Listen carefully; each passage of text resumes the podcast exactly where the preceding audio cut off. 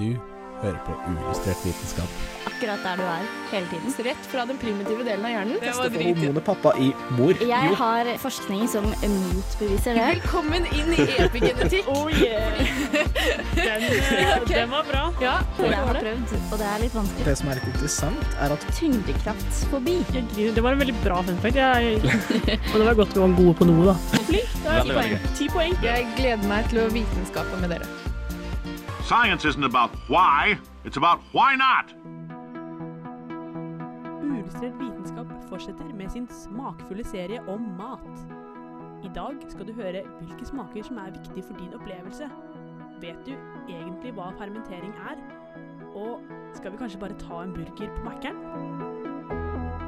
Hallo og velkommen til denne ukas sending av Uillustrert vitenskap. Det stemmer, vi skal snakke om mat. Vi har snakket litt om smak, men denne gangen skal det handle om the real deal. Mm, det gode, det man spiser. De tingene man får i seg. Og selvfølgelig med meg for å nyte denne sendingen har jeg med meg Martine Hallo! og Katrine Hallo, hallo. og Arian. Hallo. Og jeg heter Kristine, og dette skal bli eh, veldig spennende. Jeg har gledet meg veldig mye til dette, for jeg er veldig glad i å lage mat.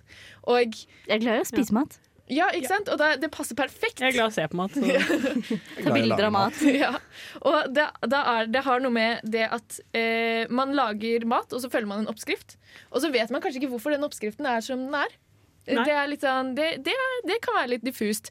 Også, men nå skal vi snakke om kanskje hvorfor de tingene som står i oppskriften, står der.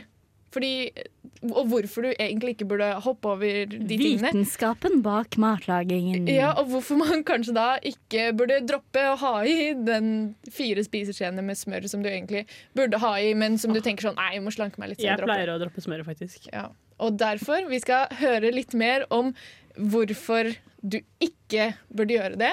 Men eh, vi må eh, vente litt til, eh, fordi vi skal høre Forskningsnytt som en slags eh, forrett i denne sendingen. Men før det så skal vi høre Gi meg litt fred med brenn her på Uillustrert vitenskap på Radio Revolt.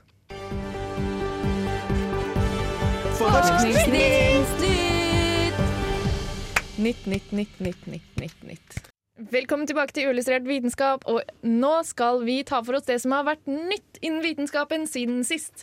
Hva er det, Martine? Ok, eh, Jeg har med forskningsnytt i dag som egentlig er eh, til ære for, eh, for byggstudenten. Meg? Fordi ny, eller nye funn viser at mayaene hadde renseanlegg for vann for 2000 år siden. What? Det er veldig bra jobba. De var forut sin drikkevann eller avfall? Til drikkevann. Fordi at eh, vann var jo en veldig dyrebar, dyrebar ressurs. Det her var jo det, det området de har funnet det her eh, i nå, er i Guatemala. Mhm. Og de preges jo store deler av året av tørke. Ja. Samtidig som det eh, er mye rart i vannet som man kan bli eh, syk av. da. Bakterier og grums og men Man ville ikke ha ekoli på den tida heller. Ikke sant? Det var mer dødelig da enn det det er nå. Det er også sant. Absolutt. Sånn at uh, det det uh, Ja, på måte- hvordan gjorde de det?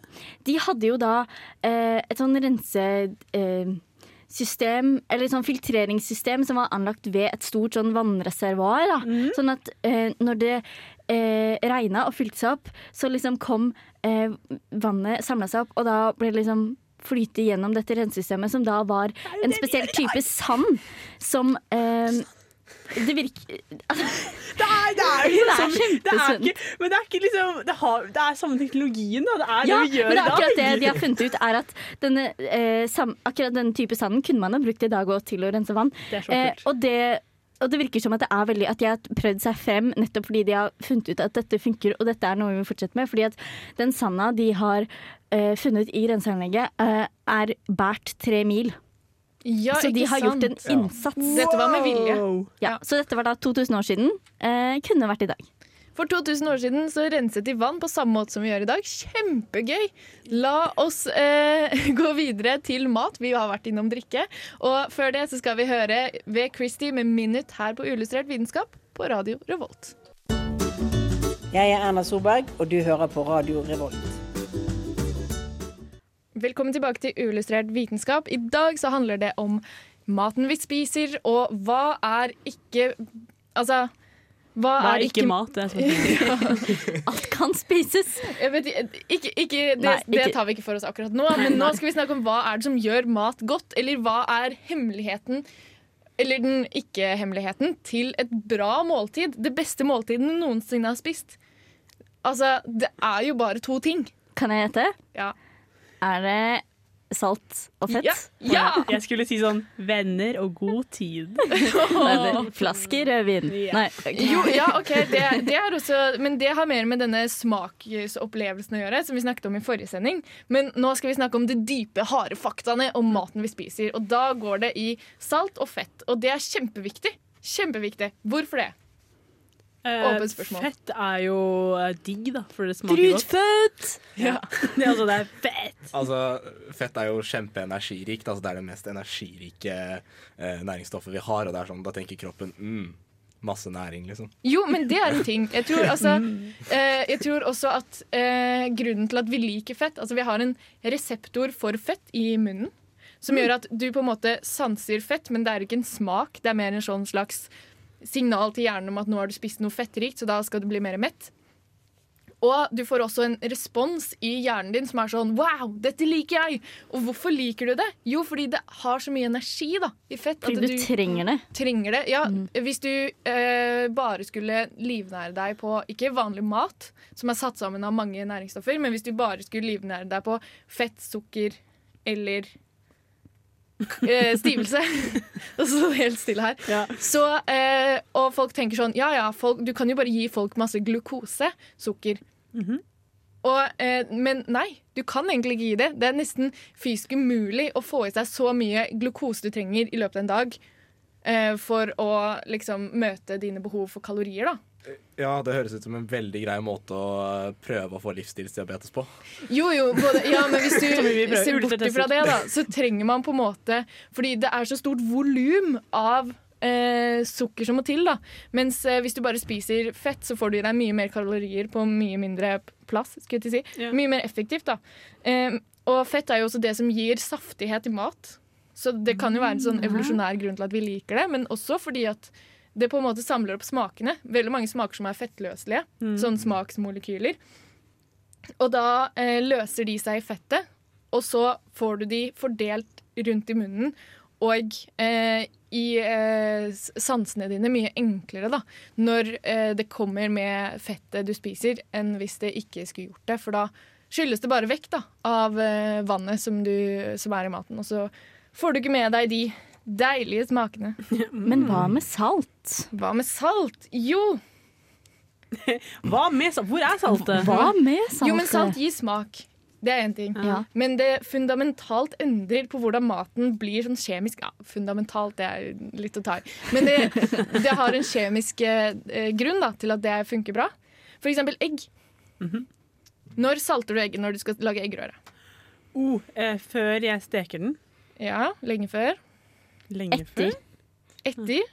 Jeg salte med en gang, og så pisker jeg det sammen. Og så Ja. lar jeg det stå. Ja, å, ja. Ja, hvor lenge lar du det stå? Å, Jeg lar det stå sånn ti minutter, et kvarter. Ikke sant? Å, Ding, ding, ding, skal man gjøre det? Ja, fordi eh, Ikke da- inviter meg og Katrine for å lage din neste treretters. Nei, Ja. men eh, fordi da kommer liksom du tre Saltet trenger litt tid for å virke, da, for det må løse seg opp, og det må eh, ja, virke, rett og slett. Men når saltet har virket, som da tar 50 nei, 10-15 minutter, så henger ikke proteinene i egget så godt sammen. Men saltet også trekker til seg vann. Så det du da får, er en mer eh, myk eggerøre eh, som holder på vannet, og som det ikke renner sånn eggerørevann ut av. Og eggerørevann er litt ekkelt.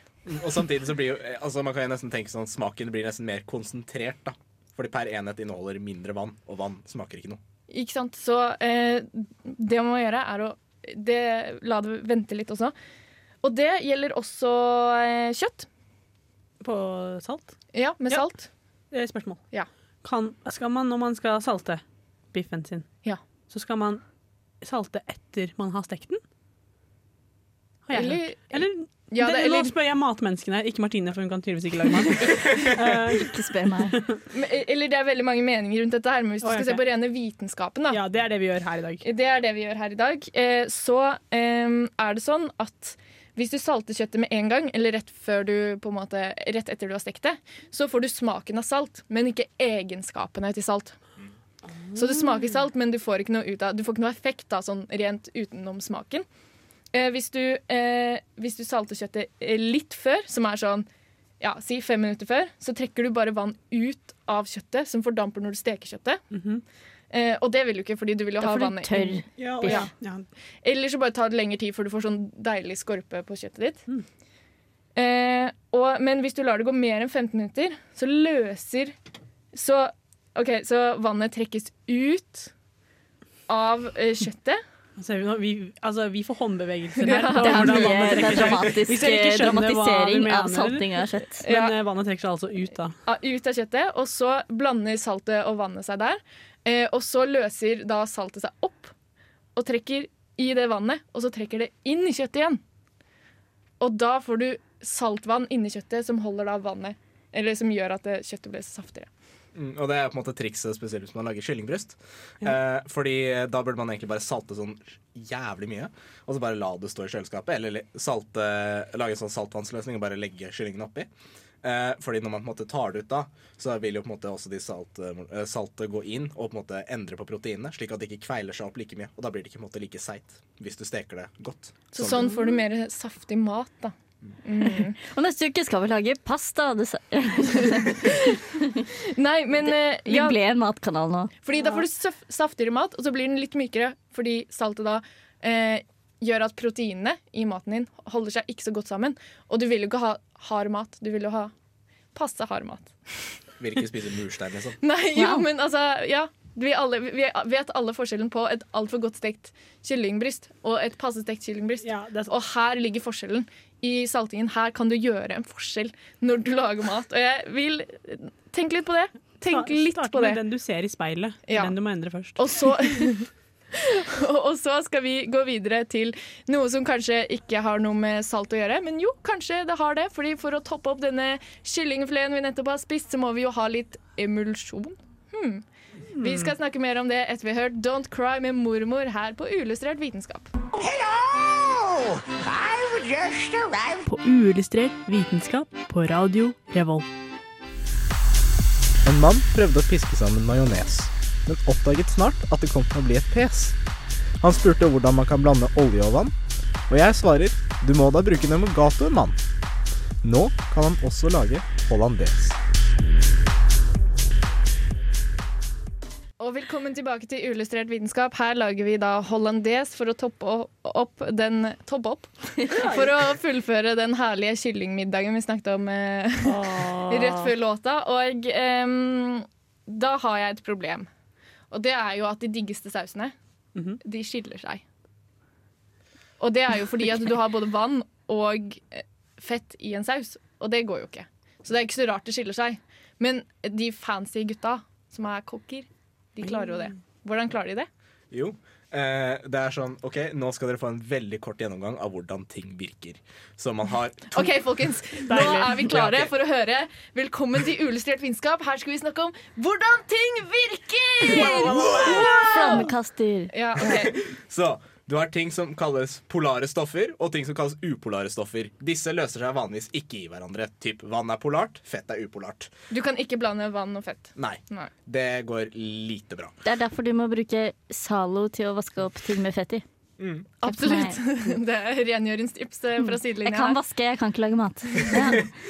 Det er nettopp det. Fordi Men jeg kan jo ikke ha Zalo i sausen min.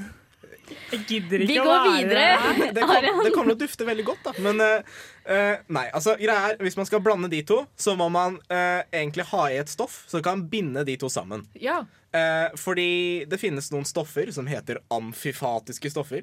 Vi liker bare å kalle dem emulgatorer, fordi ingen orker å si amfifatiske stoffer. Nei, det var litt slitsomt. Nei, det er vanskelig. Eh, og hjernen min klarer ikke å takle det. Så eh, det de gjør, er egentlig at de på en måte har én side som vender de upolare stoffene mot hverandre. Og så er det sånn de binder seg til det upolare stoffet. Og så er det en annen side som kan løse seg i det polare stoffet. Så på en måte fetthodene peker innover. Så er det den emulgatoren mellom, og så ligger vannet rundt. da Oh, så det holder det sammen, på en måte? Ja, det holder det sammen og på en måte løser ting opp i hverandre. da Og det kan jo også virke andre veien. Man kan ha vann løst i olje, og man kan ha olje løst i vann. Så det er liksom mellommannen. Ja, det er mellommannen. Det er megleren. det var han som eh, får de til å slutte å krangle. Ja. Ja, og på en måte, noe som er veldig viktig, da eh, med tanke på disse her greiene som kalles miceller, igjen veldig vanskelig å uttale, eh, det, Disse er, tingene som er koblet sammen. Ja. Mhm. det er at man må tenke på et par ting. Man må nemlig tenke på hvor varmt eh, Altså hvor varmt det er i miljøet. Og man må tenke på hvor store disse dråpene er. Fordi hvis disse her micellene er sånn gigasvære, så vil jo egentlig alt bare på en måte klumpe seg opp sammen, og det vil på en måte ikke løses opp. Så trikset er jo at det må egentlig være veldig lite, slik at du måtte ha en veldig fin løsning. da. Så du må ha eh, Så du må ha masse emulgator. Eh, ikke, ikke det egentlig. Du kan ha relativt lite emulgator, men eh, så lenge det på en måte er løst opp i små nok partikler.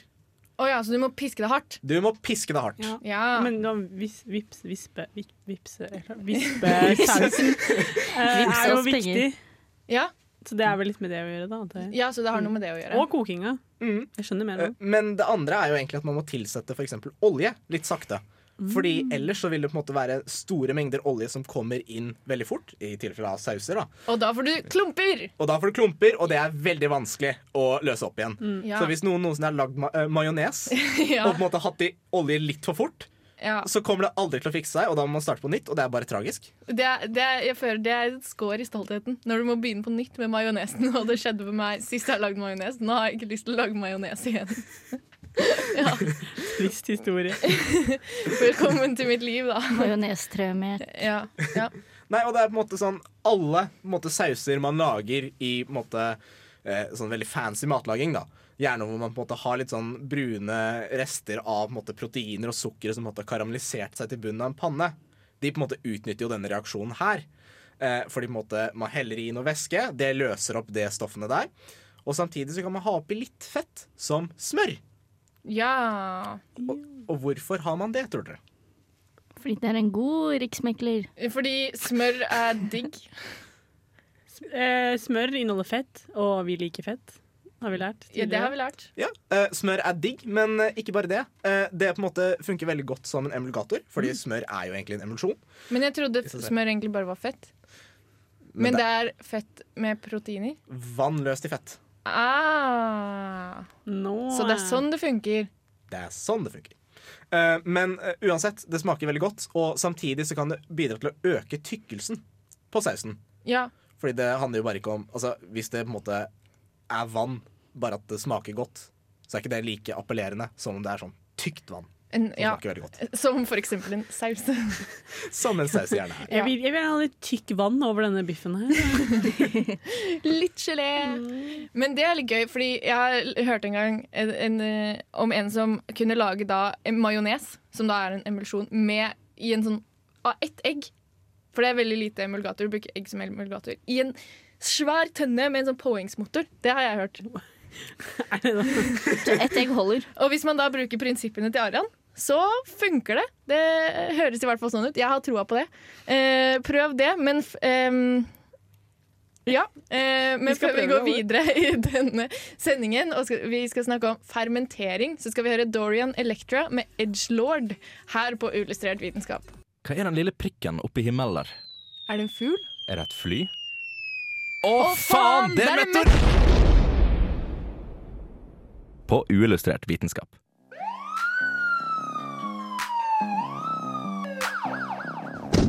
Ja, ja, ja, ja. Det var litt sjonglete kjøring her. Er det du har drukket for denne bilturen, da? Nei, jeg? Jeg har bare drukket litt eh, fermentering for å spalte litt sukker. Ikke noe å sjekke her. Å ja, å ja, ja, men da så. Da er det bare å kjøre videre, da.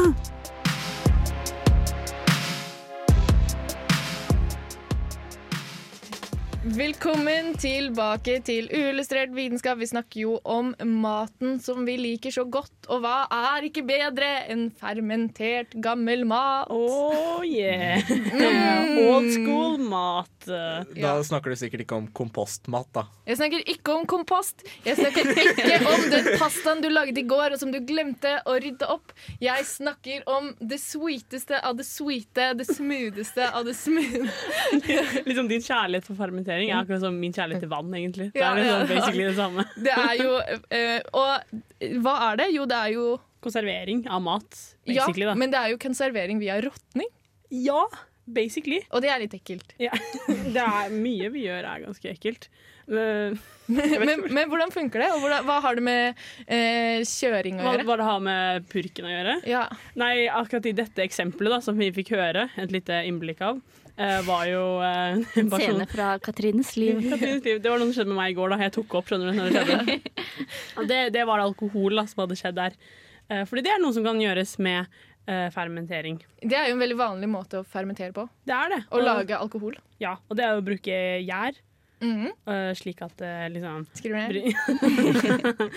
Ikke, har, har du noen erfaring med det, Kristine? Å bruke gjær for å Jeg lager jo vin og øl hjemme, det må jo sies. Mm. Så det, gjør, det skjer ofte i min leilighet at ting fermenteres der. Wow. Ja. En fermenteringsdronning, om vi kan si det selv. Og det, er- det er jo, selv om du gjør dette i dag, så er det jo i likhet med vann, så er dette en veldig gammel teknologi. Ja.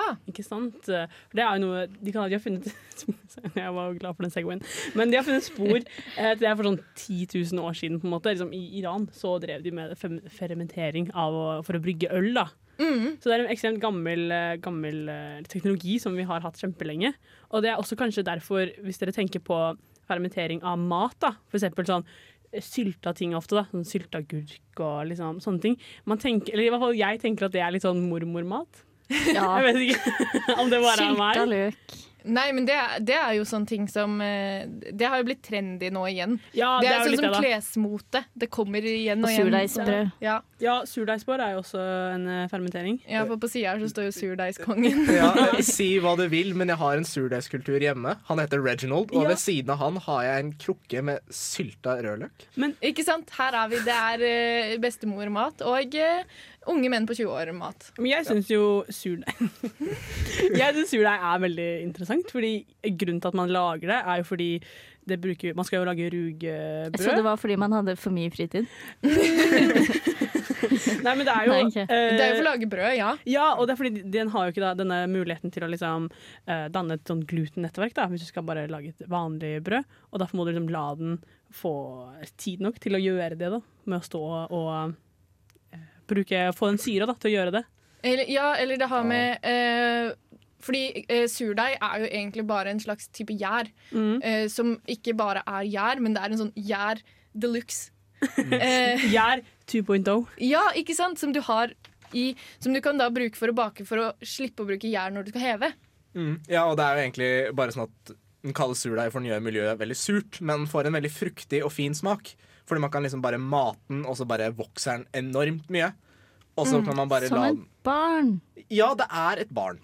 Jo, men sånn, sånn det fungerer, da, er jo egentlig da at den, eh, sopp, den gjær, eh, jern, surdeigen, den bruker da stivelse og litt sukker og sånne ting til å lage CO2 Mhm. og eddiksyre.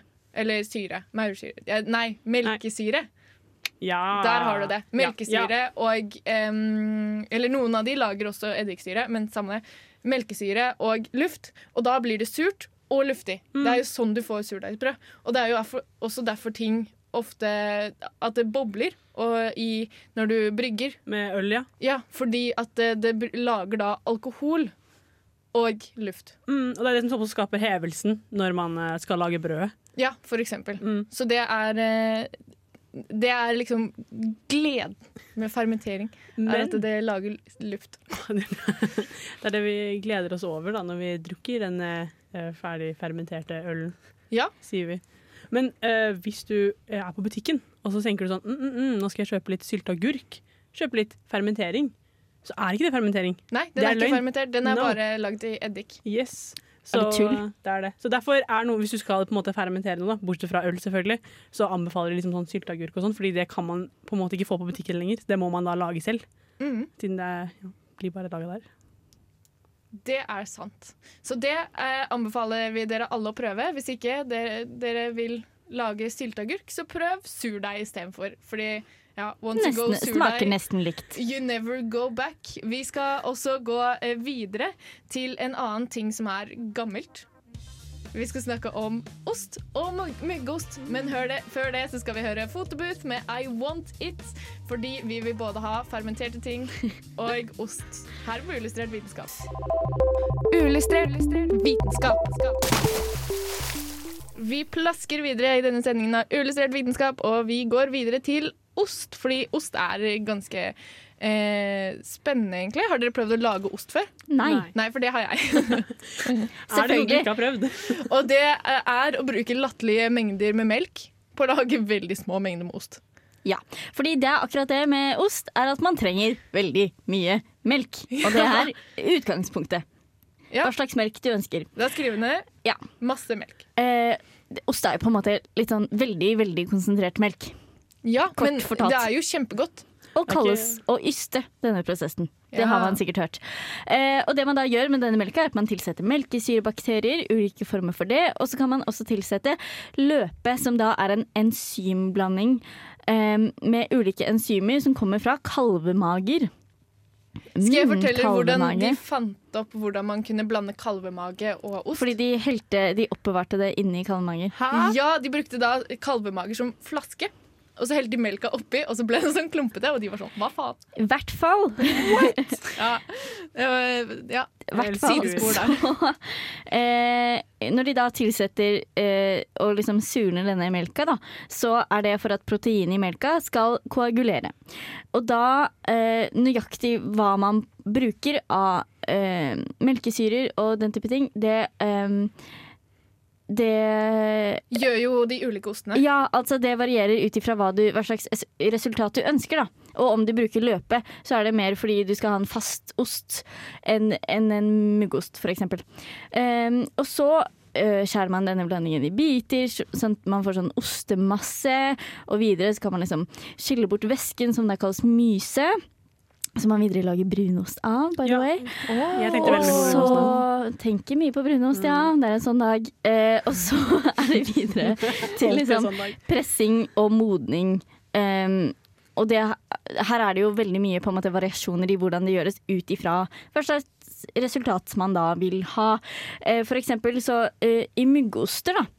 Hvordan man får en muggost, er at man når, i starten når man Lar en ost ligge veldig lenge. Det er ikke min foretrukne Åh. Så, sånn som jeg lager myggost i kjøleskapet mitt. Da. Oi, oi, oi. Blå Norvegia, eller Lager også myggsmør? Det er altså godt. muggsalat. Ja, Ja, la oss gå eh, videre. Takk for det.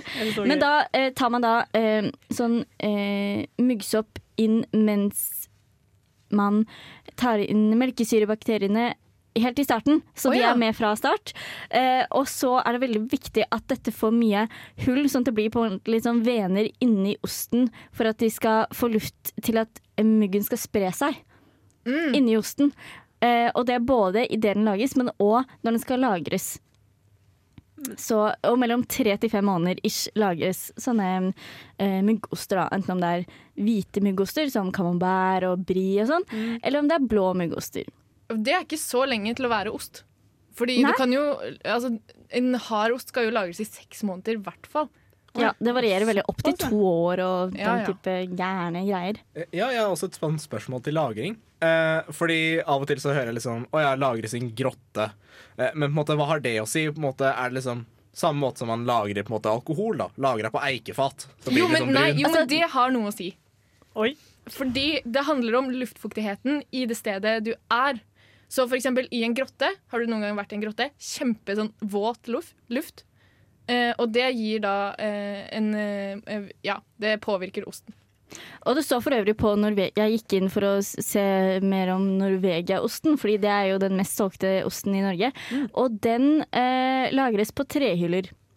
Det er det jeg vet om det. Og det er det er en, det er en goudaost. En eh, hard type eh, tettpakka ost. Eh, og den modnes i ca. tre måneder. Det er ikke så lenge. Eh, og så har man den vellagra typen, som er sånn åtte-ni måneder. Eh, som er en baby. og Jarlsberg er en sveitserost. Så det er en helt annen type ost. Ja, men Ja. det er jo fortsatt eh, disse på en måte harde ostetypene. Men det med, eh, med Jarlsberg er jo at den kjennetegnes med veldig store hull. Og det er fordi at det er bakterier som under modninga danner karbondioksid, altså CO2. Og da Lager hull. hullene. Oi! Så det er faktisk Oh, yeah. bakterier i er Jarlsbergen. det er bakterier i alt. Ja, og i hvert fall i sånne gamle ting som ost og eh, Mm, men det er det som gjør det så godt. Og det er under modningsprosessen disse bakteriene får liksom virkelig florere, og man får den smaken man vil ha. Men Jeg vet ikke om dette er et dumt spørsmål, men hvordan vet man på en måte at muggost er muggen? Det finnes ulike Sånn at er dårlig, typer liksom? mugg. Det er, det er m- mugg som er, myggsopp som er snill mot mennesker, og myggsopp som vi helst ikke skal få i oss. Mm. Og det er jo de gode typene de bruker i muggost. ja, det er jo samme som surdeig, hvor du har masse bakterier. Eh, og gjærsopper. eh. Og det, gir, altså, det er jo ikke farlig for mennesket. Fordi Nei. de som er farlige, de, eh, ja, de lever ikke da, under de omstendighetene vi lager disse tingene. Men vil muggsopp på en måte holde, ha lengre holdbarhet enn vanlig ost? Ikke nødvendigvis. Du kan få muggen muggsopp, for det har jeg også hatt i kjøleskapet mitt. Så, og det er ikke bra, det. Det er en helt uh, egen opplevelse. Ja. Det er det og sprengt øl som du har der? Ja, du vet, du vet When fermentering goes wrong. Men vi skal gå bort ifra gamle ting, og ting som kan bli gammelt, men helst ikke. Vi skal snakke om fad, fa, ah, fast food etter vi har hørt, om, eh, hørt på TV med Dean Morris her på Uillustrert vitenskap på Radio Revolt. Det er faktisk veldig mye bra forskning. Og så var det dette med bæsjekniven, da. Det er ikke forskning i det hele tatt. På uillustrert vitenskap. Og hvis det er noe forskning kan brukes til her i Uillustrert vitenskap, så er det det å lage fast food.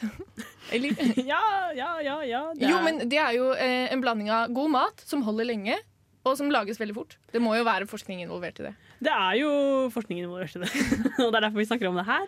Med Fast food, altså hurtigmat, da. Vi skal oversette det direkte til eh, norsk. Ja, for da blir Språkrådet glad, så det kan vi jo gjøre. Ja, det kan vi gjøre her. Men det er jo som du sier, så, eller det er sånn det stammer fra, da, at eh, folk trengte på en måte mat fort og eh, så effektivt som mulig.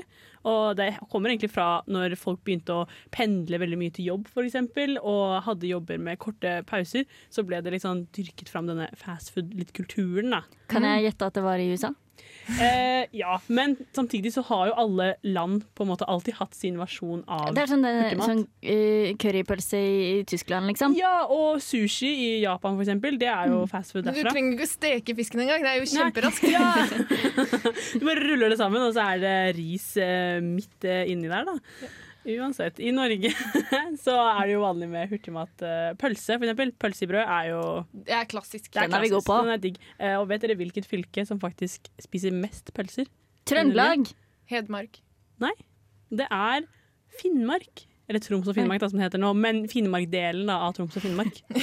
Ok. De er gode på Jeg har aldri vært der, så jeg kan ikke uttale meg om Du akkurat pølsetradisjonen der. Nei. Nei, men Der spiser hvert menneske 1,3 kilo pølse hvert år.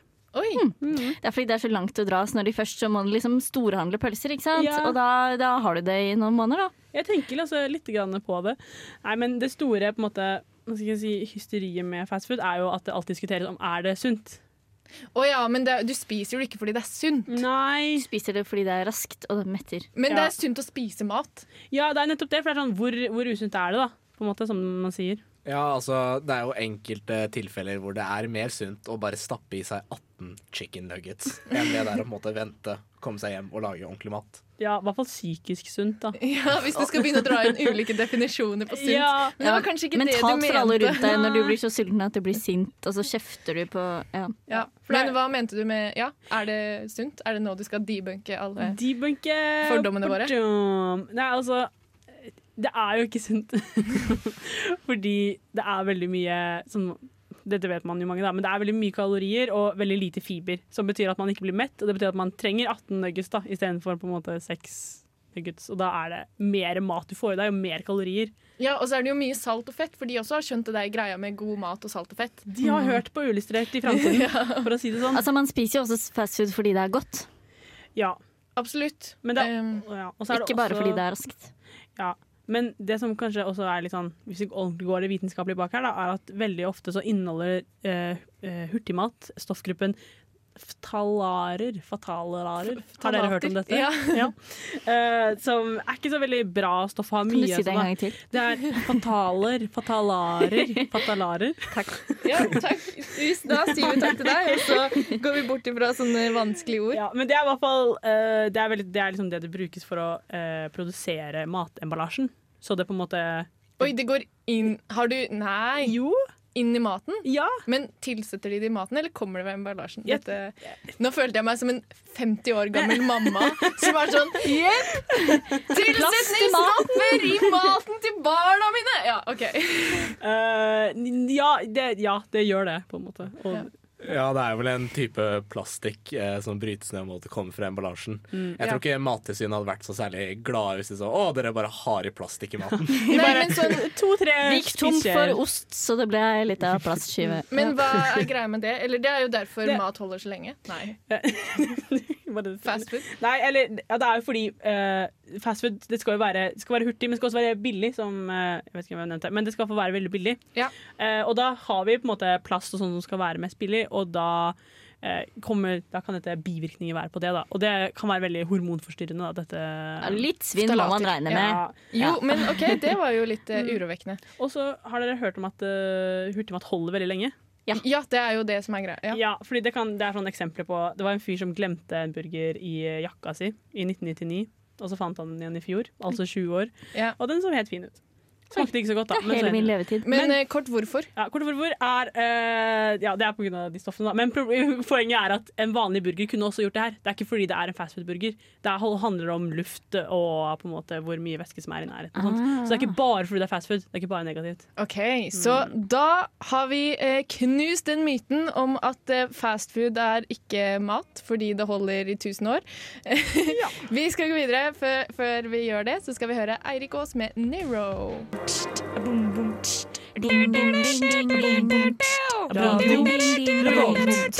Uillustrert vitenskap. Ja, ja må, veldig bra. Tusen takk for uh, applausen som jeg ikke fikk. Men, uh... Jeg ga det med øynene mine. ja, takk.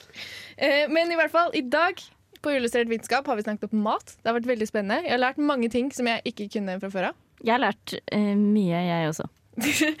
Ikke blitt en bedre kokk, men Kanskje. Vi håper at noen der ute av dere, eh, våre kjære lyttere, kanskje har eh, blitt eh, litt bedre kokker. Kanskje dere har lyst til å prøve noe nytt på kjøkkenet. Eh, s- prøv. Det skal i hvert fall jeg. Har ikke du prøvd nok, egentlig? Nei, nei, nei. Du har aldri prøvd nok på kjøkkenet. Det er mitt eh, motto. Og med det så vil jeg gjerne si tusen takk for i dag. Hvis dere har- vil høre mer uillustrert vitenskap, så går dere da selvfølgelig inn på um, radiorevolt.no, og dere går inn på deres favorittpodkasttjeneste og bare søker opp uillustrert vitenskap og hører alt dere ønsker å høre på. Gi oss også en like på Instagram og Facebook, og send oss en melding hvis dere vil vi skal snakke om noe. Jeg heter Kristine, og med meg i studio i dag så har jeg hatt Arian. Ha det. Og eh, Katrine. Ha det bra. Og Martine. ha det! Takk for oss. Du har hørt en podkast fra Radio Revolt. Hør flere ukentlige podkaster, f.eks.